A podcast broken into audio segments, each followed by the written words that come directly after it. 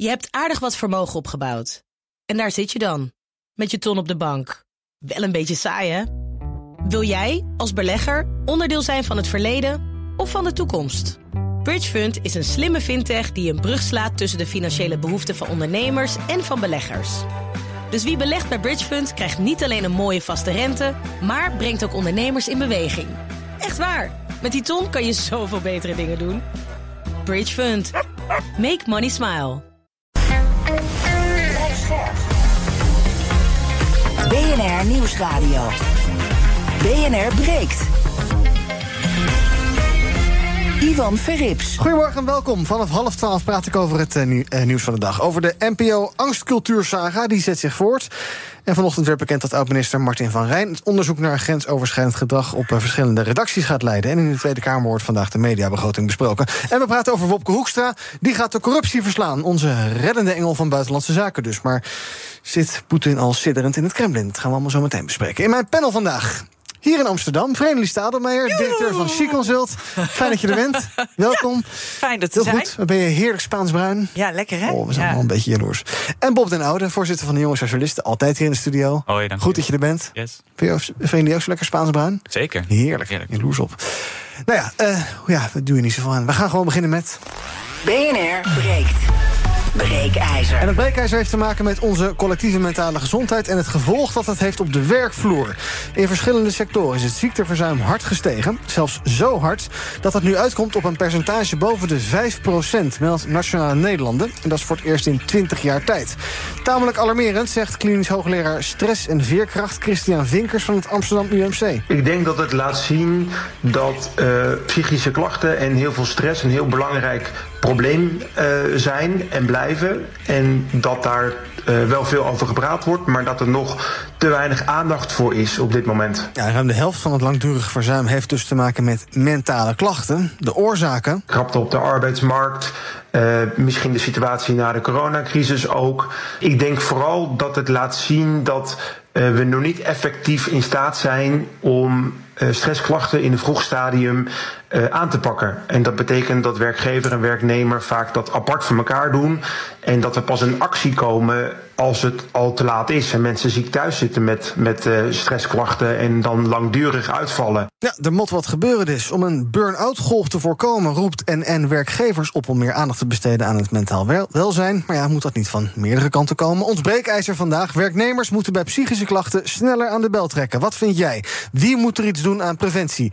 Werkgevers, werknemers, kan je daar iets van verwachten? Dat ze eerder op de rem trappen? Of kan je dat juist niet verwachten? Of is hier een taak voor de overheid weggelegd? Laat van je horen en pak je telefoon. Bel naar 020 468 4x0. Ons breekijzer dus. Werknemers moeten bij psychische klachten sneller aan de bel trekken. 020 468 4x0. Je kan ook van je laten horen via de stories van BNR Nieuwsradio. Op Instagram krijg je over 20 minuutjes een tussenstand van me.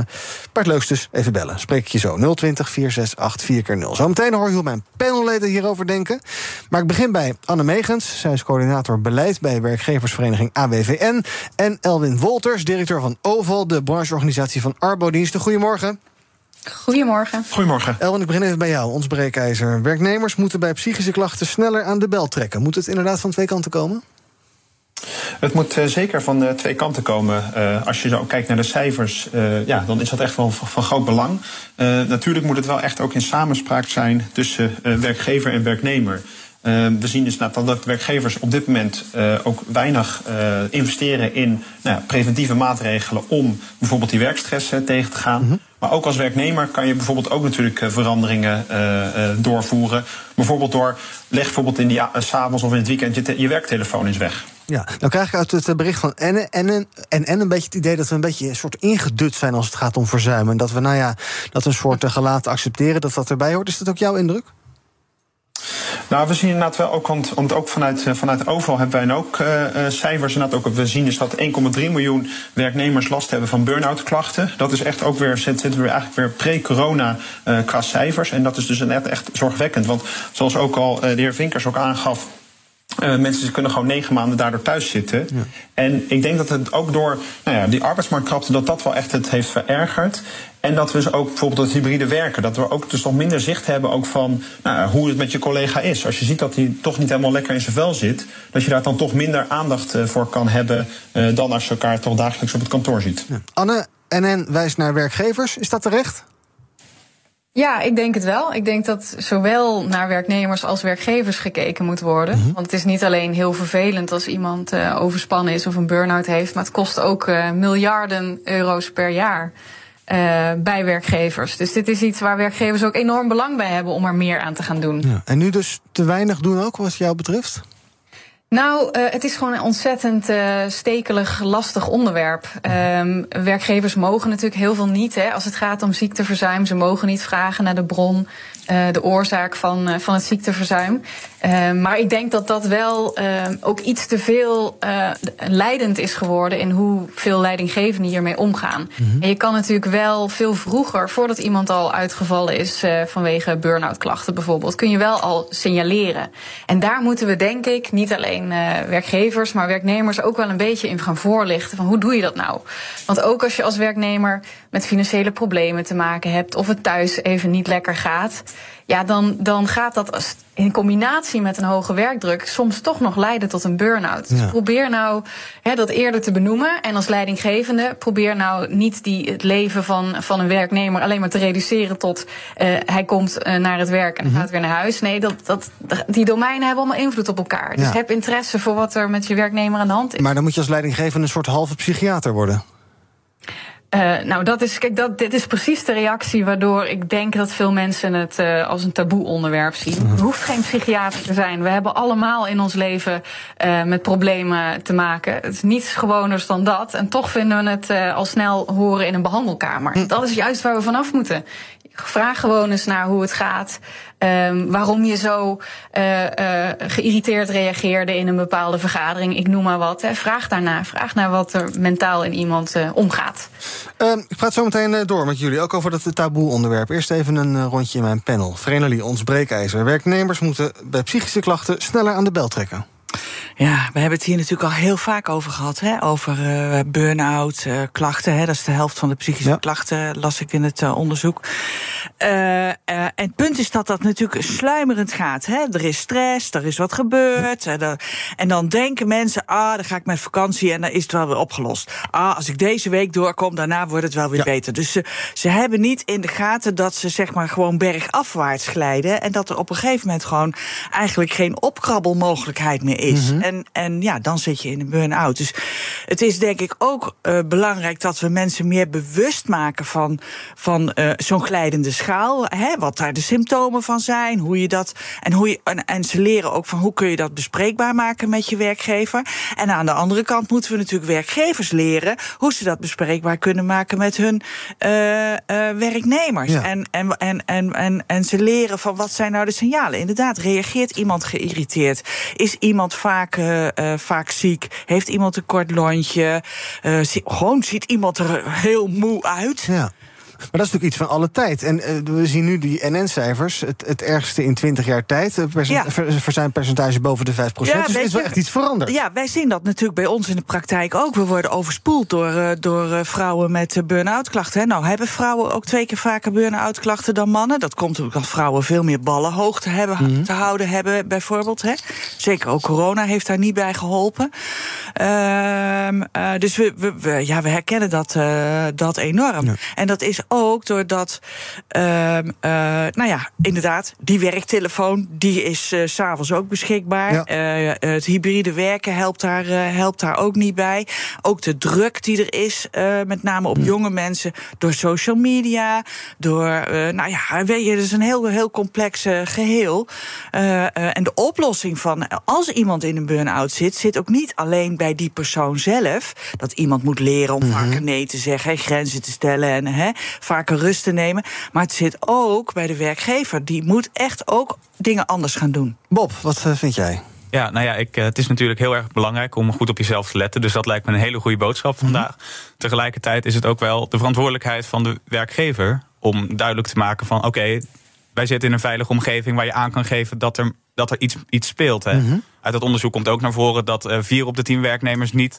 Eh, eh, niet het idee heeft dat de werkgever bezig is met hun mentale ge- gezondheid. Ja, maar Terwijl- dat is ook een soort mismatch. Hè? Want werkgevers denken we zijn eigenlijk best goed bezig. En die werknemers die denken er gebeurt niet zoveel. ja, Ja. dus- Huh? ja, dat is een, dan toch een eh, kwestie van bewustwording, denk ik. Eh, en dat, daar, daar zou je als werkgever toch wat meer naar kunnen kijken. Ja. Ja. Ik zag trouwens inderdaad ook, Bob, de, eh, als je naar leeftijd kijkt en burn-out klachten... dan is het grootste deel zit tussen de 25 en 34 jaar. Vind je, Oh dat, ja, dat is vind, verschrikkelijk. vind je dat te verklaren? Nou ja, de, de jeugd voelt zich heel erg verantwoordelijk voor heel veel zaken. En er komt nog veel meer op ons af dan alleen maar werk eigenlijk. En ik denk dat dat eigenlijk wel een grote reden is waarom, eh, waarom dat bij jo- jongeren veel meer speelt. En wij hebben tenminste ook nog veel meer het idee van alles moet, alles kan. Mhm. Eh, terwijl het eigenlijk, ja, wij, wij, zijn, wij zijn de eerste generatie die echt tegen de grenzen aanloopt van wat kan. En dan merk je dat ook terug in die burn-out klachten. Ja. Ga eens kijken naar onze, onze bellers vinden. 020 468 4x0. Werknemers moeten bij psychische klachten sneller aan de bel trekken. Jaap, goedemorgen. Goedemorgen. Zeg het maar. Nou, ik, eh, ik heb in de Erasmus gewerkt. Wij hadden daar een, eh, een narcistische manager. Eh, die, die, die had de pik op mij. Dus ja, dan ben je de sjaak, zeg maar. Ja. En dan ga je ermee naar de arbodienst. Een aantal keren. Die stelt mediation voor. En eh, ja, meneer had daar geen trek in. En eh, laatst van de VPRO had je van Argos een eh, programma... die onderzoek deed naar de rijlen en zeilen bij de arbodienst binnen het Erasmus MC. Ja. En daar bleek de leidinggevende bij die Arbo ook een vinger in de pad te hebben. Dus ik kwam geen stap verder en hij heeft uiteindelijk eh, één keer mediation gevolgd, daarna niet meer. Oké, ja, dat is natuurlijk heel En- specifiek over, di- over dit probleem. Wat zou, er- wat zou er bre- breed moeten gebeuren, is jouw idee? Ja, de, de werkgevers, ja, heel veel eh, zeggen van nou, eh, veiligheid staat voorop. Ja. En, eh, en daar is in mijn geval niets van gebleken. En als je dan de leidinggevende daarop aansprak van joh, ga ook een keer met mij om de tafel om de spanning weg te nemen, gebeurde het ook niet.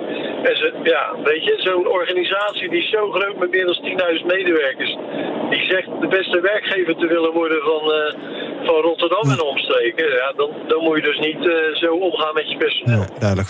Heel- Ja, wij horen dat heel vaak. Dat, eh, dat eh, een slechte leidinggevende de oorzaak is eh, van, eh, van een burn-out. Ik, ik ken geen onderzoek eh, eh, op dat gebied. Maar het zou me helemaal niks verbazen. Want als jij gewoon een goede werk, werkgever, een goede manager hebt. die gewoon oog heeft voor jou. die, die, die naar jou kijkt. Die, die, die betrokken is bij jou. Dan, dan, dan heeft zo'n leidinggevende. die heeft dat in de smiezen. Die heeft in de smiezen. Oh, hey, het gaat niet zo lekker met Iwan. Wacht even, we moeten eens even kijken hoe we dat een beetje, Ah. hè, hoe we iemand kunnen helpen. Elwin, kan, kan één iemand inderdaad het maken of breken? Eh, natuurlijk, inderdaad. Het is inderdaad zeker dat inderdaad één persoon kan natuurlijk op een afdeling, als dat een leidinggevende is, kan dat ja, zeker maken of breken. Ehm, en in die zin is het dan ook echt belangrijk om dan, als jij nou natuurlijk dat ervaart, om ook echt dan wel steun te zoeken. Dus bijvoorbeeld natuurlijk ook bij je collega's kan je natuurlijk dan ook steun eh, zoeken. Ehm, maar er zijn natuurlijk ook op andere manieren. Kijk, er zijn natuurlijk ook open spreekuren van, van, van bedrijfsartsen. Of er is natuurlijk ook een, als het zeg maar echt over dit soort eigenlijk ongewenst gedrag gaat, is er dan ook vaak ook een vertrouwenspersoon waar je naartoe kan stappen. Dus dat zijn natuurlijk wel zaken waar je eh, een stap kan zetten.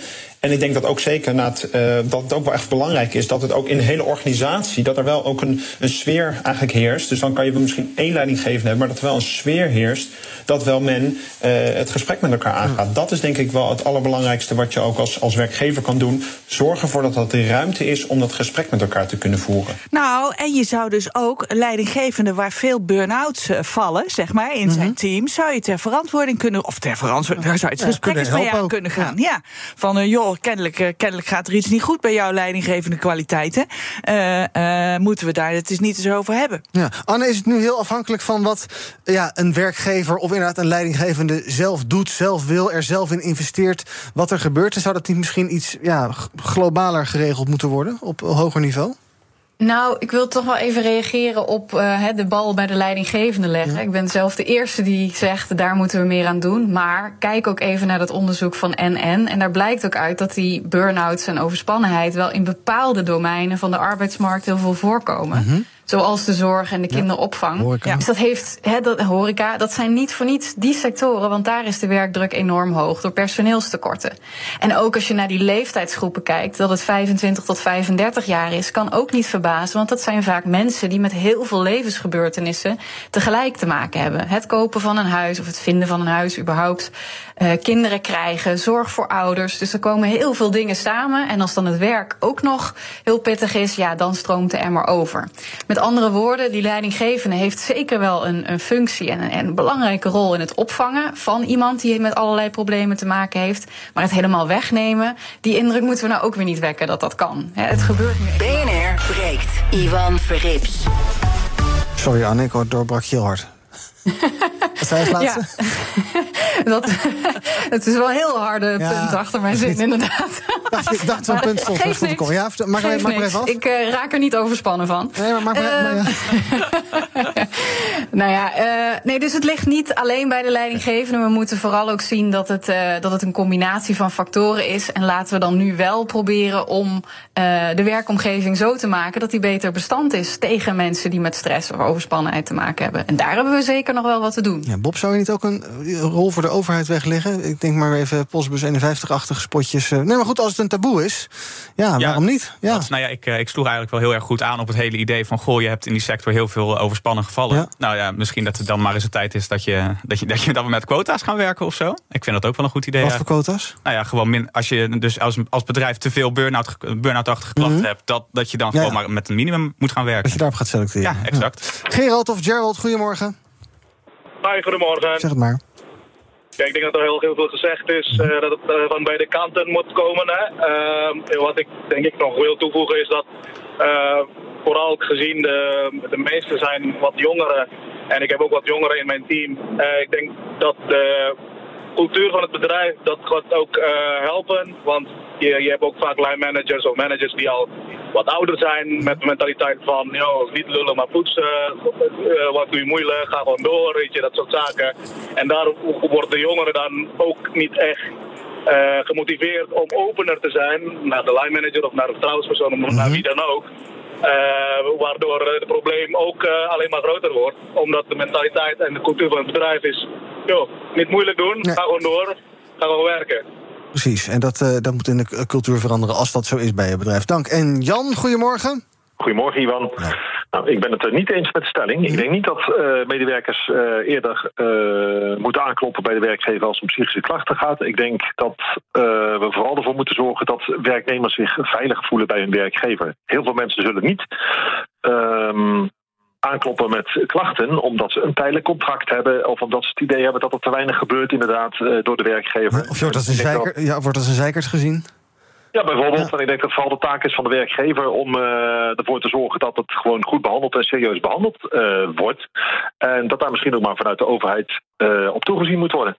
Dankjewel voor het bellen. Eh, Bob, Bob, wil je reageren? Ja, nou ja, ik stond, jij stond te juichen hier. Ja, ik stond inderdaad te juichen toen er weer veilige werkomgeving werd gezegd. Maar eh, wat, wat de beller eh, zei, ik ben, sorry, ik ben je naam even vergeten. eh, over Jan. De, Jan. Jan over de flexibele contracten. Dat klopt natuurlijk ook. Hè. Als het, het feit dat, dat we meer flexibele contracten hebben tegenwoordig... leidt ook tot meer onzekerheid, leidt ook tot meer burn-outs. Dus, eh, en dat is natuurlijk iets waar de overheid ook weer paal, paal, en perk aan kan stellen. Ah, dan kan je niet meer vaste contracten uitdelen. Eh, ja, nou wat mij betreft, daar waar het werk structureel is, moet inderdaad een vast contract eh, de norm zijn. Dus daar, daar kunnen we elkaar in vinden. Maar ook dan, flexibel werk zal er altijd, eh, altijd zijn. Eh, en ik vind eigenlijk niet dat je als leidinggevende iemand die een flexibel contract heeft anders zou moeten behandelen dan een vaste werknemer. Hetzelfde geldt voor een ZZP'er. Dus eh, we lossen het niet alleen op met vaste contracten. Het zit ook in een mentaliteitsverandering dat je werkende gelijk behandelt, welke contractvorm er dan ook eh, waar, waar sprake van is. Elden, maak jij je zorgen om een ja, soort visueuze cirkel? Dat je meer zieken hebt en dan op achterblijvers is er dan een hogere werkdruk... waardoor meer mensen uitvallen, waardoor op de achterblijvers een hogere werkdruk is... waardoor enzovoorts. En hoe gaan we dat doorbreken? Nee, dat is zeker ook een probleem wat we zien. Nou, we zien het natuurlijk ook al bijvoorbeeld, eh, eh, nou ja, wat ook al werd genoemd in de zorg, maar ook natuurlijk, we zien het bij de NS, waar we grote personeelstekorten zijn, waardoor natuurlijk gewoon veel werk, eh dan blijft er gewoon veel werk liggen wat door minder mensen eh, gedaan moet worden.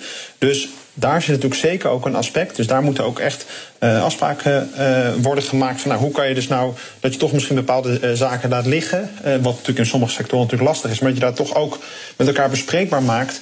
Uh, en dat kan soms ook gewoon uh, simpel door bijvoorbeeld alleen al, want dat is een van de belangrijke aspecten hoe mensen uh, minder werkstress ervaren, is door hen autonomie te geven. Dus laat hen bijvoorbeeld zelf meer hun werktijden of hun eigen werk ook indelen. Ik kan me zo voorstellen dat als je net jonge kinderen hebt, dan wil je liever om negen uur beginnen, na, net nadat je je kinderen naar school hebt gebracht, dan dat je het om acht uur s ochtends vol onder stress zit. Ja. Dus dat is zeker ook een aspect dat je kan regelen.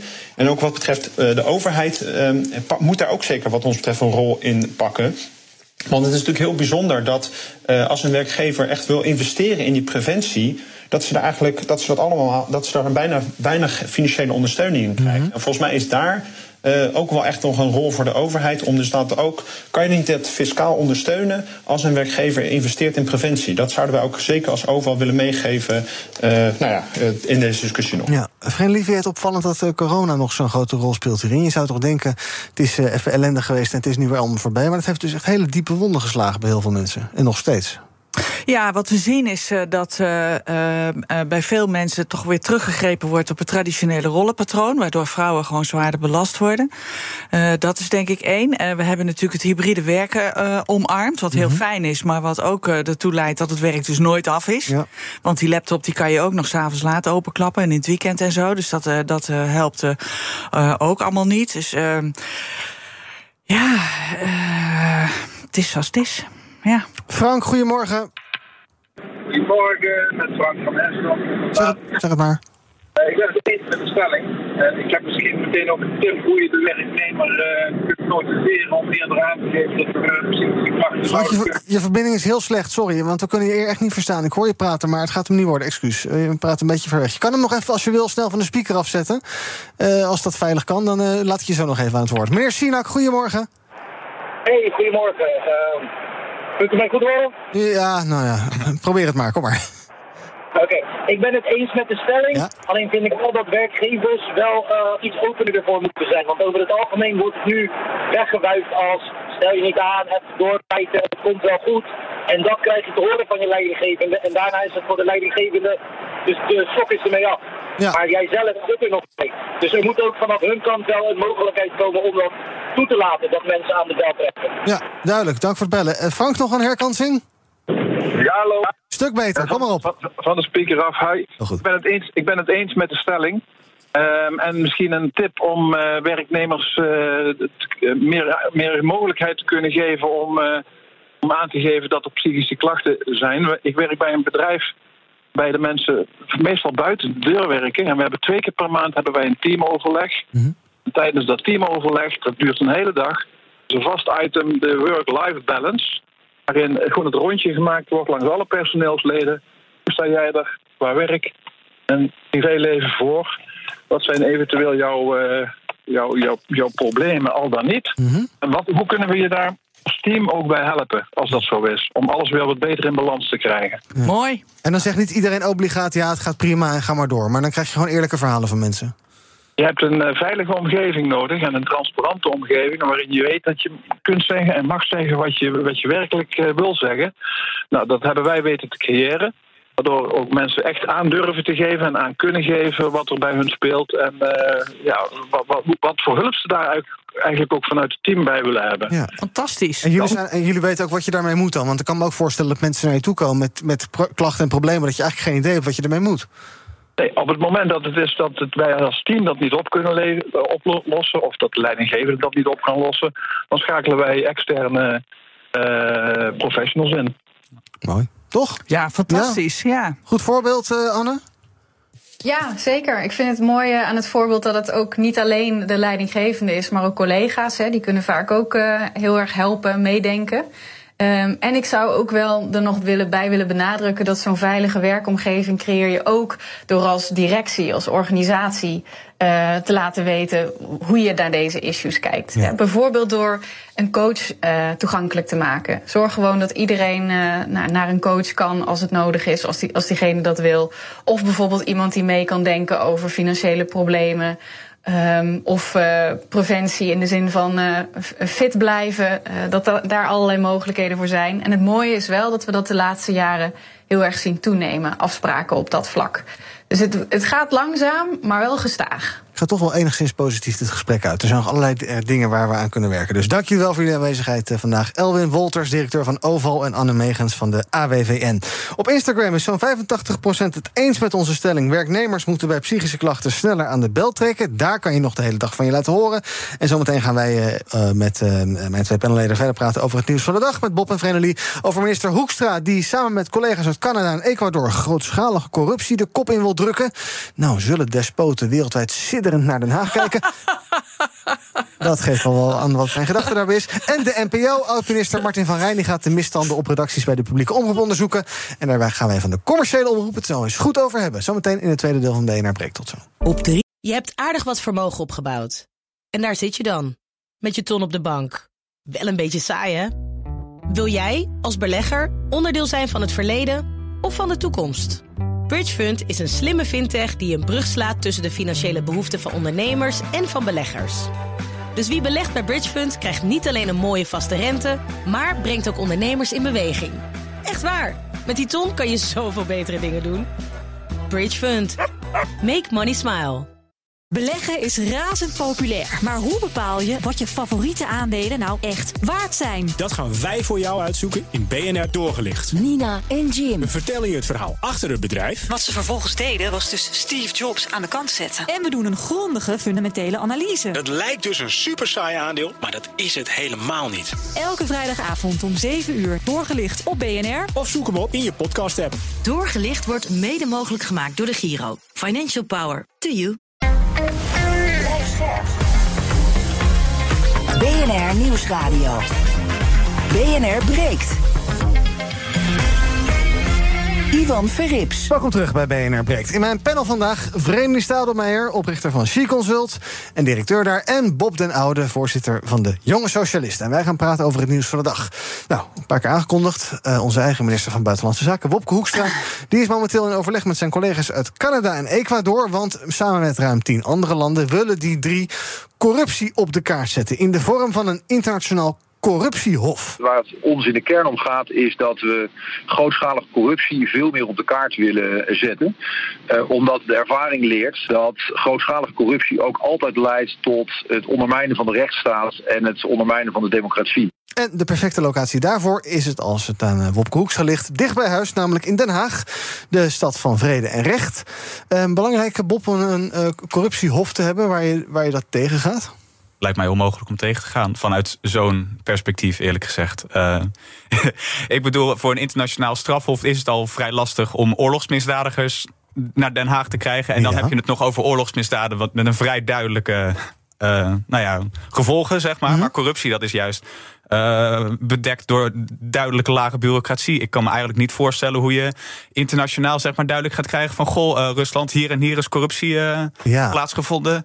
kom maar eens terug, terug naar ons. Maar ja, als je zegt oorlogsmisdaden kan ook niet, dan kan je ook met het ICC stoppen en het ICJ. En dan kan je alle inspanningen oh. op dat gebied wel opheffen, toch? Oh nee, ik zeg niet dat het niet kan. Ik oh. zeg dat het, dat het al zo lastig is. Als je, je ziet bij de oorlogsmisdaden al hoe lastig het is om mensen uiteindelijk naar Den Haag mm -hmm. te krijgen. En dat, dat is dan nog met oorlogsmisdaden. Weet ja. je wel, gewoon mensen, mensen dood, oorlog, ja. uh, slachtoffers en ja. zo. En bij corruptie daar gaat het vaak toch gewoon heel erg over saaie feiten. Uh, als in, dan is het ja. gewoon geld van de ene naar de ander. En dan is het vaak in, in Rusland ook nog niet duidelijk, bijvoorbeeld, waar de corruptie nou precies plaats heeft gevonden. Dus ik ben heel erg benieuwd hoe je uh, de juiste mensen nou zo'n corruptie. Okay. Uh, maar zeg je nou, doe maar wel of doe maar niet? Nee, nou ja, ik vind het een beetje verspeelde moeite. En ik vind, ja, nee, ik, ik zou het niet doen. Friendly, wat vind jij? Is een goed idee om zo'n hof op te richten. Dat je het zichtbaar ja. maakt. Dat je zichtbaar maakt waar het fout gaat. Ook al willen despoten er niet aan meewerken. Dat je in ieder nou, geval. misschien is je genoeg betaald wel. Vreemd. Ja. En vind je het een goed idee of niet? Nou ja, nou ja het lijkt mij heel lastig. Ja. Uh, uh, uh, om, inderdaad, om het zichtbaar te maken. Ehm, maar kennelijk heeft hij daar ideeën over dat dat kan. Mm -hmm. En dat dat een goed idee is. Eh, kijk, het, het, is natuurlijk wel een groot probleem. Hè? Ehm, of honderden miljarden, denk ik. Ja, ja, ja, ja het speelt hier in Nederland. Maar het speelt. eh, als je, hoe verder je naar het zuiden gaat, hoe erger het wordt. Mm -hmm. dus het, het, is wel degelijk een ondermijning van de democratie. Dat, dat is helemaal waar. Ja, het oosten ook wel op zich. Ja, ja allerlei dus, kanten op. dus, maar hoe je dat nou zichtbaar moet maken, ik heb geen idee. En hoe je dat dan moet gaan bestraffen. Maar gaan we dan ook Nederlanders uh, bestraffen? Ik heb wel een beetje, als je in een glazen huis zit, moet je geen stenen gooien. Nou, Zeker niet als je... wie, wie zou je op het lijstje willen hebben dan? Ja, uh, nou ja, Siewert lijkt me wel een goeie. Uh -huh. Ik ben wel benieuwd wat het internationaal corruptie strafhof daarvan zou vinden. Nou ja, in een Roermond hebben we natuurlijk wat voorbeelden ja, ja. van. Uh, van ja, het, ja. precies. Ja, ja. en met name in PVV, VVD-kringen. we hadden ook zo'n uitvaartondernemer die de, in Zeeland of zo was dat ook. Oh, dat is iets gedetailleerd voor mij. Maar Oké, okay, nou ja, goed. dus ja. Um, hm, ik hoor allemaal haken en ogen eigenlijk. Maar als je een, een figuur als Poetin of Xi voor zo'n hof sleept, ook al komen ze er niet, je kan wel onafhankelijke rechters of onderzoekers er neerzetten. Dan heb je een vuistdik rapport, dit is er allemaal mis. Ja. En dan? Oh, ja, ja, nou ja, ja. ja, daarmee verander je het niet. Hè? Het is denk ik iets. Misschien is het ook wel iets heel menselijks. Hè? Dat je probeert je vriendjes en je vriendinnetjes uh, uh, te helpen, te bevooroordelen. En, uh, en dat, je, dat je mensen wat extra's kan laten verdienen als je het linksom of rechtsom. Weet je. Dus ja, het is in heel veel landen speelt het natuurlijk een hele grote rol. Ja, dat vind ik dus ook een punt. Maar we weten het toch al dat het gebeurt. Ik bedoel, de hele oorlog in, in Rusland met Oekraïne, dat laat ook zien van ja, dat is blijkbaar één gigantisch corrupt -hmm. schandaal geweest allemaal. Moet, je dan, moet dat allemaal nog precies in een rapport als we er toch niks mee gaan doen? Ik bedoel, ik weet al dat het daar gebeurt hoor. Je hoeft mij echt niks uit te leggen. En volgens mij is het voor de mensen ja, maar overal zo, wel duidelijk. Maar zo doen we natuurlijk ook geen rechtspraak. Dan kan je ook zeggen, ja, we weten wat het Poetin is. Nou, dus ja, je moet het toch onafhankelijk onderzoeken. Ja, maar dan is het toch hele zwakke rechtspraak als, het, als je dan een uitspraak hebt gedaan... we kunnen er niks mee doen. Ik bedoel, ik vind het, ik vind ja. het inderdaad prima als we het dan inderdaad... Maar als je die MH17-uitspraak ook niet hoeven te doen... want die, die, die, die verdachten hebben we hier ook niet. Nou, die zijn hier wel gekomen, toch? De, nee, de verdachten niet. Nee. Verdachten niet? Ja, nou. Maar goed, die, die nou, vangen we wel ik voel. Ik voel ja. weinig warmte voor dit idee. Oké, okay, we gaan door over iets uh, heel iets anders. Uh, de publieke omroep. Oud-minister Martin van Rijn die gaat misstanden op verschillende NPO-redacties onderzoeken. Werd vanochtend bekend. En dat doet hij samen met Mariette Hamer, regeringscommissaris seksueel grensoverschrijdend gedrag en seksueel geweld. Dat onderzoek komt natuurlijk voort uit het uh, verhaal van de Volkskrant rondom de toxische, giftige cultuur bij de wereld draait door. Intussen kijkt de Tweede Kamer vandaag naar de begroting van de publieke omroep. En dat geld speelt een belangrijke rol in de werkcultuur, denkt Luciel Werner.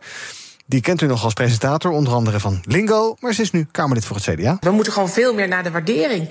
Laten we eens kijken naar de waardering in een bepaalde doelgroep. Hè. Wat doet een programma dan in een bepaald genre, in een bepaalde doelgroep? En niet meer die jacht op kijkcijfers en marktaandelen. Ja, veel minder kijkcijfergericht dus. Bob, ik weet niet of jij een vervent tv-kijker bent. Uh, ik ben wel lid van de VPRO. Nou, als dat... uh, denk ik enige in mijn ja, leven. Maar kijk je ook. Uit de kast, uit de kast komen hier als VPRO-lid. ja, ja, precies. Nee, uh, ja, ik kijk wel af en toe. Nee, -hmm. ik heb zo'n NPO Plus-account ook wel. Ik kijk wel eens terug. Oh, ja. ja. ik uh, kijk geen live. Ja, het helemaal van de huidige generatie. Nou, nee, met zo'n VPRO-lidmaatschap dus niet. Nee, dat is waar. Ja, nee. een beetje een oude bok inderdaad. Ja, uh, wat vind jij? Het publiek omroep. We weten, ook daar wordt alles gedreven door kijkcijfers. Ook al die makers daar, die zitten elke dag te kijken. Om kwart voor negen komen die cijfers geloof ik. Van, oh, hoeveel hebben we nu gescoord? Ietsje meer, ietsje minder. Diepegravende analyses, een doelgroepje meer, minder. nou, de, we kennen het verhaal van DWDD. Dat was allemaal uit prestatie kwam dat voort. Het moest allemaal beter, hoger, meer mensen afbellen enzovoort enzovoort. En nu zegt Lucille Werner, joh, die kijkcijfers, vergeet het lekker bij de publieke omroep. Laten we eens naar kwaliteit kijken. Nou ja, kwaliteit, daar kun je natuurlijk altijd over twisten. Maar het blijft natuurlijk het feit, het is de publieke omroep. Dat is wat anders dan de commerciële omroep. En als je dan precies dezelfde maatstaven gaat hanteren als de commerciële omroep, dan ben je feitelijk gewoon de commerciële omroep bezig. En dat lijkt me inderdaad heel slecht. Dus het lijkt me eigenlijk goed als je die kijkcijfers gewoon loslaat en gewoon kijkt van oké, okay, kunnen we bepaalde doelgroepen bereiken? Kunnen we, kunnen we dit en dit verhaal vertellen? Hoe dat, hoe, hoe dat zo zit? Ja, nee, -hmm. daar ben ik het absoluut mee eens. Ja, ik ook wel. Ja, ik, ja, ik ben het eigenlijk met uh, Bob eens. Ja. ja. Ja, ja, Als, je, als je naar de. Want, want nu wordt die publieke omroep ook een beetje als een soort commerciële zender ingezet. Hè? De kijkcijferkanonnen worden op goede tijdstippen neergezet. Ja. En er moet af en toe uh, een beetje een sandwich-formule. Tussen serieuze dingen moet wat leuk ja. zitten. En een quizje ja. en een dingetje. Ja, ja, ja jammer. Terwijl Werner zegt hier, nou, we moeten misschien eens wat uh, serieuzer gaan kijken. En uh, uh, misschien moet je ze een heel moeilijk documentaire gewoon om acht uur s avonds doen. In plaats van tegen de randen van de nacht aan het prakken. Ja. Nou ja, dat vind ik wel een goed idee. Want uh, dat zijn, vind ik in ieder geval de interessante dingen om naar te kijken. Ja, tegen licht en zo, en ja, twee dok, dat ja, soort zaken. Prachtig, ja. ja. prachtige documentaires. Uh, moeite waard om, uh, om naar te kijken, zeker. Hebben jullie het toch weer over live tv, hè? Maar kunnen we, je bedoel, je kan die app ook gewoon uitbreiden. Dus we kunnen daar ook gewoon meer... Zou je wat jou betreft gewoon moeten stoppen met dat hele live tv gedoe? Nee, dat, dat absoluut niet. Want het is natuurlijk wel heel makkelijk toegankelijk voor iedereen. En het is belangrijk dat, dat media zeg maar, beschikbaar is voor iedereen. Dus mm -hmm. nee, absoluut stop er niet mee. Alleen als we het dan inderdaad hebben over programmering en zo. Ja, je kan veel meer programmeren. Je kan veel meer beschikbaar maken. Ja. Uh, nee, dus ik zou, maar ik zou juist kijken. En en. En absoluut. Ja. Um, uh, jij als VPRO-lid, vind je wel dat uh, dat omroepstelsel bewaard moet blijven? Hecht je er waarde aan dat iets van Avro, Tros, Caro en CRV kan zijn? Of ja, dat, dat, dat, stel je dan verkeerd. Maar ik vind het, het pluriforme idee vind ik heel erg prettig. En eigenlijk ook gewoon het idee van: oké, okay, ik ben met een groep mensen. Ik vind dat ons verhaal gehoord moet worden. En dan krijg je gewoon subsidie. En dan kan je, de, uh, dan kan je laten horen wat je geluid is. Dat vind ik echt een heel belangrijk goed in Nederland. En ik vind dat we daar eigenlijk een beetje vergeten zijn. Mm -hmm. Hoe makkelijk dat is. Uh, want dan hebben we uh, bijvoorbeeld, uh, nou ja, ik zal het maar even rechts Nederland noemen. Dat klaagt toch al vrij lang over het linkse omroepenbestel. Ja. Nou, dan, dan zeggen ze, nou, doe er maar wat mee. Nou, en dan regelen ze leden. En vervolgens zijn er nu Pownet en uh, Ongehoord Nederland. Ongehoord nee. Ja, dat, de, ik bedoel, er zitten ook niet alleen maar positieve kanten aan. Maar in, Waarom niet? Nou ja, ja, nou ja. Nou ja, ik vind dat wel wat je, precies wat jij zegt. Ik bedoel, dat zijn ook groepen in de samenleving. En die moeten ook gehoord worden. Weet je, dat is nou eenmaal het kenmerk van een democratie. Dat je, dat je uh, alles en iedereen mag meepraten. Mm -hmm. Dus dat vind ik echt wel het goede van de publieke omroep. Dat dat dus kan. Ja, maar dan komen ze met ongehoord Nederland en dan worden ze weer tegengewerkt door de NPO. Nou ja, ze moeten zich natuurlijk gewoon wel aan de regels houden. Waarom? Als jij tv wil maken op jouw manier, moet je dat op jouw manier doen? Uh, ja, maar er zijn wel wat randvoorwaarden okay. aan. Dat je niet mag beledigen en geen, uh, niet mag oproeren mm -hmm. en, uh, enzovoort. Ja, je, weet moet, je? je moet wel bedenken, het gaat, dit, dit hele stelsel is opgezet om de democratie te versterken. Hè? En als je als ongehoord Nederland je niet aan de democratische spelregels wil houden, dan, ja, dan werkt het niet. En daar Nee. moet je ook wel kaders aan stellen. Dat is ook belangrijk en dat moet je ook wel durven en dat is prima. Geen BBC-model wat jullie betreft. Het is altijd een soort heilige, het heilige BBC-model. Oh, de BBC, oh. Nou ja, ik vind de BBC juist een heel matig model eigenlijk. Dat, alle, dat het inderdaad zo'n letterlijk landelijk uh, overheidsorgaan is. Dat is in Nederland eigenlijk... Dat, hoe graag Thierry het ook wil... wij zijn eigenlijk een verschrikkelijk onafhankelijk uh, mediamodel. En dat vind ik heel goed. Huh. Ja. Hoe is het in Spanje ingericht, met publieke omroep? Oh, dat weet ik helemaal niet. Ben je geen niet zo nee, vast ga ik eens even onderzoeken. Ik zal het je laten weten Volgende keer als je keer. bent. Ben je Ja. een verslag uitbrengen, joh. Ja. Je hebt aardig wat vermogen opgebouwd. En daar zit je dan, met je ton op de bank. Wel een beetje saai, hè? Wil jij, als belegger, onderdeel zijn van het verleden of van de toekomst? Bridgefund is een slimme fintech die een brug slaat tussen de financiële behoeften van ondernemers en van beleggers. Dus wie belegt bij Bridgefund krijgt niet alleen een mooie vaste rente, maar brengt ook ondernemers in beweging. Echt waar. Met die ton kan je zoveel betere dingen doen. Bridgefund. Make money smile. Beleggen is razend populair. Maar hoe bepaal je wat je favoriete aandelen nou echt waard zijn? Dat gaan wij voor jou uitzoeken in BNR Doorgelicht. Nina en Jim. We vertellen je het verhaal achter het bedrijf. Wat ze vervolgens deden was dus Steve Jobs aan de kant zetten. En we doen een grondige fundamentele analyse. Het lijkt dus een super saai aandeel, maar dat is het helemaal niet. Elke vrijdagavond om 7 uur doorgelicht op BNR. Of zoek hem op in je podcast-app. Doorgelicht wordt mede mogelijk gemaakt door de Giro. Financial Power to you. Zaken doen. BNR breekt. Ehm, mijn panel bestaat vandaag uit Bob den Oude van de Jonge Socialisten en Vreemdelie Stadelmeijer. En we gaan kijken wat die twee is opgevallen in hun nieuws. En Bob, ik wil bij jou beginnen. Je hebt een artikel uit NRC meegenomen met de kop Grote stadsregio's groeien. Het noorden blijft achter. Wat is er aan de hand? Nou, er is dus uh, naast de mediabegroting is er nog een andere begroting toegezegd. En dat gaat dus over infrastructuur, infrastructurele investeringen in Nederland. En nou ja, dat is allemaal heel fijn dat die er zijn. Dat is ook goed. En er zijn ook zeker goede dingen in die begroting. Maar uiteindelijk is het toch wel een beetje het punt dat al die investeringen in de randstad komen en niet zozeer in de landelijke omgeving. En dat is natuurlijk wel problematisch. Ook omdat nou ja, je wil graag dat uh, heel Nederland een beetje met elkaar verbonden blijft. Hè? En ik ben er bijvoorbeeld ook heel blij dat er nu toegezegd is dat we een Lelylijn krijgen. Dat is dus van Groningen naar Lelystad. En dat het zeg maar zo helemaal in het noorden een beetje goed verbonden is met elkaar. Dus er zitten ook zeker goede punten in. Mhm. Alleen er zijn wel heel veel uh, kleinere dingen uh, die niet, aan zich niet zo heel veel geld kosten, die eigenlijk niet gebeuren. En dat is wel jammer. Wat mis je op de lijstjes?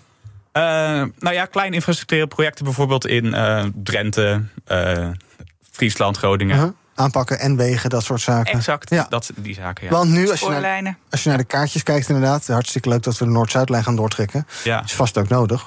Nou ja, ik, ik vind het aan zich inderdaad best wel opvallend dat we dan. Nee, die Noord-Zuidlijn die is nou net klaar, weet Ja. je wel. En dan denk je, oh, ze doen hem nog een keer. En dan ben ik zelf nog randstedeling. En dan, maar dan kan ik als Rotterdammer wel zeggen, nou, wij hebben de metro dus niet gekregen. Mhm. Dus dan, dan merk je zelfs binnen de randstad eigenlijk al Ja. hoe, hoe bepaalde zeg maar, dingen eh, voorrang krijgen. Jullie hebben Rotterdammers hebben een metro naar Den Haag. Dat Ja. Amsterdammers niet zeggen. Nee, Oké, nou ja, inderdaad. Dat is Ja, dan, ik heb dat is wel- een metro naar Schiphol. Dat we. Ja. Ja. Ja. Maar is het niet ook een beetje eh, logisch eigenlijk? Want in de Randstad wordt het geld toch verdiend. Ja, maar dat is ook een beetje eh, van je volgt zeg maar dan de, uh, de lijn hè, van ja, de, daar zit de groei, dus daar gaan we bouwen. Hm. Maar je wil ook uh, verdeling tegengaan. Je wil ook verschillen wegwerken. En dan moet je juist als overheid durven zeggen van oké, ja, nee, we begrijpen van we moeten hier bouwen, klopt. Uh, dus hier wordt ook meer ge geïnvesteerd. Maar vergeet ook alsjeblieft niet, de, uh, anders dan wordt het een uh, neerwaartse spiraal waar je ook niet meer uit gaat komen. En dan maak je het probleem alleen maar groter. Is waar je zorgen om maakt, Friendly? Ja, zeker. want je ziet ook dat huizen voor, voor starters bijvoorbeeld, heel voor mensen met een modaal inkomen in de Randstad gewoon niet te betalen zijn. Dus die trekken naar buiten. Mm -hmm. Dus het, he, op het moment dat je het openbaar vervoer richting de regio beter zou maken, wordt het ook voor mensen aantrekkelijker om daar wel een betaalbare woning te vinden en daar te gaan wonen. Dus het lijkt me juist heel belangrijk dat je dat wel doet. Daar help je ook de werkgelegenheid in die regio's weer mee. Dus maak je de regio's weer aantrekkelijker mee. Dus ja, ik denk dat dat een goed idee is om juist ook te kijken naar de regio's. Ja, valt hier nog iets aan te sleutelen, Bob? Want ik zie inderdaad die kaartjes. Dan zie je, nou, er wordt Noord-Holland, Zuid-Holland, Utrecht. Maar ja, Gelderland komt er maar vrij bekaaid vanaf. Overijssel zie ik ook niet zoveel gebeuren. Zeeland, nou, ook niet zoveel. Het is een, het is een kaasschaafmethode. Want het, kijk, het, het ding is nu, kijk, de, de overheid heeft eigenlijk bepaald wat er gaat gebeuren. Dat, al een paar maanden geleden is dat ook al besloten. Het is nu even afgehamerd. Maar nu moet het dus nog door de Kamer. Dus nu kunnen ze aan zich kunnen de oppositiepartijen nog wel iets uitslepen. Maar dat is wel heel marginaal. En dat, ja, dat zal één of twee kleine projectjes zijn. Dus nee, daar gaat niet zo heel veel meer gebeuren. Voor de volgende ronde dus. Voor de volgende ronde. Vreneli, jij had een artikel uit Trouw meegenomen. Ja, dat is een uh, artikel uh, wat gaat over het uh, brein. Ja. de Amerikaanse journaliste Connerboy heeft een boek geschreven over ouderschap. En die zegt, op basis van onderzoek van een Nederlandse neurowetenschapper... Elseline Hoeksema, mm -hmm. dat ehm, er niet zoiets bestaat als een moederinstinct. He, er is geen aanwezige hersenbedrading... die bij de komst van een kind automatisch wordt ingeschakeld. Maar ouderlijke gevoelens ontstaan vooral uit de wisselwerking tussen ouder en kind. Oh. Waarbij het brein steeds beter afgestemd raakt op de nieuwe taak van het zorgen. He, dus je brein, de bedrading in je brein mm -hmm. verandert door het zorgen. Mm -hmm. uh, en dat is een blijvende verandering. En dat is iets wat meer bij moeders gebeurt dan bij vaders, omdat moeders nou eenmaal. Vaker voor kinderen zorgen. Tien weken zwangerschapsverlof ja. hebben. En dat kind en... bij zich dragen enzovoorts. Precies, ja, ja precies. Uh, uh, dus dat. dat he, dus dat betekent ook dat het voor mannen dus ook, als die meer gaan zorgen, mm -hmm. uh, betekent dat dat die hersenbedrading dus ook bij mannen verandert. Hè? En dan leren ze zich aan te passen aan de constante onderbreking van hun leven. En ze worden weggeduwd, hè, zegt ze zo mooi, ze worden weggeduwd uit het middelpunt van hun leven door een baby wiens aanwezigheid letterlijk bewustzijnsveranderend mm -hmm. is. Met andere woorden, je leert dat de wereld niet om jou draait. Mm -hmm. Ja, nou ben ik morgen dagvoorzitter op de culturele Businessdag, georganiseerd door de ABN AMRO. En daar gaan we het hebben over een onderzoek van Women Inc. naar genderongelijkheid in de kunst. En uit dat onderzoek blijkt dat moeder worden een averechts effect heeft op de carrière van een vrouwelijke kunstenaar. Oh. Zelfs op sommige kunstacademies wordt gezegd dat kunstenaar zijn een fulltime bezigheid is en dat kinderen daar niet in passen. Voor vrouwen dan, wordt tegen vrouwen gezegd. Met andere woorden, hier wordt gesteld dat wanneer je jezelf niet centraal stelt in je leven, het niets wordt met je carrière als -hmm. kunstenaar. Nou, en dat is precies wat we ook zien in het bedrijfsleven, bij andere organisaties. Je moet kiezen, werk of kinderen. Ja. ja. Uh, en de mannelijke norm is permanente beschikbaarheid. Ja. Daar moet je aan voldoen. En die norm is killing voor vrouwen, maar die norm is ook killing voor vaders mm -hmm. die wel een evenredig deel van de zorg op zich willen nemen. Dus wil je als organisatie vrouwen aan boord halen en het maximale uit vrouwen halen, dan moet je ervoor zorgen dat die norm van permanente beschikbaarheid dat je die loslaat. Ja. En je zou die kwaliteiten van dat veranderende brein moeten omarmen en waarderen. Het gaat niet om jou, mm -hmm. maar het gaat om de ander. Het gaat niet om één, maar het gaat om ons samen. En dat zijn eigenlijk de kwaliteiten van androgyn leiderschap. Ja. Hoe mooi. En, dat, en dat, dat eerste verhaal over dat het dus niet hardwired is. Um, ja. Kan je dan dus ook zeggen, iets als moederinstinct bestaat niet? Ja, dat bestaat niet. Dat groeit. Ja, dat groeit. Nooit geweten. Ja. Ja, dat, is, dat, en er wordt altijd gezegd, ja, maar vrouwen, vrouwen ja. zijn anders. Nee, ja. dat maakt helemaal niks nee. uit. Het is, ben jij, hoeveel tijd ben en hoeveel bezig zorg met dat kind, ben je, je met band? dat kind? En dat, dat, dat is voor mannen en vrouwen precies hetzelfde. Ik heb u wat geleerd. Ja, Dankjewel. Kijken wij nog even wat er trending is op de socials. Nou, hashtag rellen staat hoog in de lijstjes. Komt natuurlijk door de rellen die gisteren in Rotterdam, Den Haag, Amsterdam... en ook eh, bijvoorbeeld in eh, Brussel uitbraken. Na de overwinning van Marokko op België tijdens het WK... dat klonk niet bepaald heel vreedzaam. Na de 2-0 verlogen er verschillende auto's in de fik... en gingen railschoppers op de vuist met de politie. In Nederland raakten twee agenten gewond. De ME moest eraan te pas komen om de situatie weer onder controle te krijgen. Je hoort het al bij Thomas. Hashtag China doet het goed. Maar in China zelf gaat het wat minder goed. Daar gaan mensen massaal de straat op... omdat ze het niet eens zijn met het zero-covid-beleid van het land. Op een video is te zien hoe een verslaggever van de BBC wordt afgevoerd... omdat hij hier daar verslag van doet. Ja, en uh, de BBC is erg boos. Intussen is die verslaggever wel weer vrijgelaten. Nog meer trending uh, dan. Uh, Twitter heeft het veel over vogelgriep. Leuk toch, een Twitter-vogeltje met vogelgriep. Experts in de Volkskrant zeggen dat vogelgriep... maar een paar mutaties verwijderd is van een ziekte... die over kan slaan op mensen. heel fijn. En dat we dan met de volgende pandemie te maken hebben. Zo kreeg in Canada nu ook al een beer de griep. En in Nederland een das en een bunzing. Oh. Ja, ja. Nou. Binnenkort de volgende pandemie, vogelgriep. Heel fijn. Tot slot nog even naar Frankrijk. Daar mag je niet meer ontslagen worden omdat je geen leuke collega bent. Ene meneer T, zo wordt hij genoemd in de rechtbankdocumenten... die werkte bij uh, Cubic Partners, was een consultant. Die uh, ging naar de hoog, hoogste rechter omdat hij ontslagen was. Reden van zijn ontslag, ja, hij deed niet lekker mee aan allerlei groepsactiviteiten. En um, daar had hij ook niet zoveel zin in... want bij die activiteiten daar kwam allerlei overmaats alcoholgebruik bij kijken... en er werd ook promiscu promiscuïteit aangemoedigd. Ja, ja. Um, en toen uh, heeft de rechter hem dus gelijk gegeven. Dit is geen goede reden voor ontslag. Je mag dus gewoon, als je geen zin hebt in sociale dingen... en in extreem borrelen en rare dingen buiten werktijd... daar mag je niet voor ontslagen worden. Bob, uh, hoe is het bij die jonge socialisten? Wat doen jullie allemaal buiten werktijd? Uh, we zijn heel, ja, gewoon... Wordt er veel geborreld? Af en toe een biertje, ja. Veel alcoholmisbruik? Heel, heel beschaafd, nee. Okay. Dat zou ik, niet, zou ik niet zo willen zeggen. Nee, we hebben een hele veilige werkomgeving, Ivan. Dus, en dat, dat zie je ook wat hier misgaat. -huh. Het is toch weer die veil, onveilige werkomgeving... die uh, die niet wordt gecreëerd. En je ziet ook wel hoe erg, hoe belangrijk het is dat werkgevers daar ook wel duidelijk over zijn. Ja, uh, ja. maar even het, het, serieuze verhaal. Uh, deze meneer die wilde dus niet meedoen aan allerlei, volgens ja. hem, buitensporige zuipfestijnen. Zuipfestijnen, ja? precies. En allerlei, nou ja, wippen met je collega's en dat soort dingen. Hij moest geloof ik ook naar, naar bed met een collega of zo. dat zijn wel een beetje extreme voorbeelden. Uh, nou, uh, nou ja. Hoor je ook wel rare ja? Wij, nou ja, je wil niet weten wat voor rare verhalen ja, wel, wij allemaal wel horen. Weten. Ons, nou, heb je een uur? Nee, maar goed. Weet je, wij hebben een, uh, ik heb een, een, zelf iemand in coaching gehad. die zat in een board, van, board of directors van een, van een club.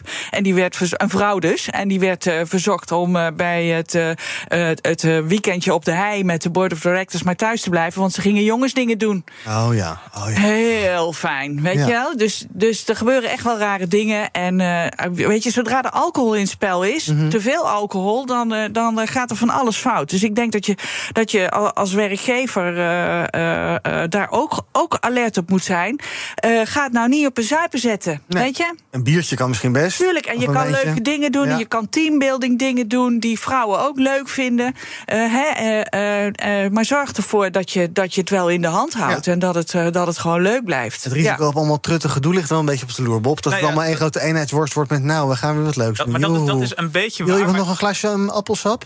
Het is heel ongezond, Ja, heb ik eh, gehoord. ongezond, ja. Dan moet je maar leukere vrienden zoeken. Maar, eh, Oh. nee, maar het, hele, het hele ding is over. Want dit is dus precies die sociale, eh, die sociale druk die je dan voelt vanuit je bedrijf. Ook om aan te geven van eh, ik, durf, ik, ik wil niet meedoen. Of ik heb het te druk. Of ik kan niet. Dat- zo makkelijk kan het gaan. En dit is, dan een, eh, dit is dan een extreem geval. Maar dit is dus hoe het in heel veel bedrijven gaat. Hè? Van oh ja, doe nou maar gewoon mee en zeur niet zo. Ja. Ook Ja. als je het er niet mee eens bent. Ja, en alsof het niet leuk is als je n- niet helemaal straalbezopen bent. Ik bedoel, je kunt ook eh, een prima bedrijfsuitje hebben...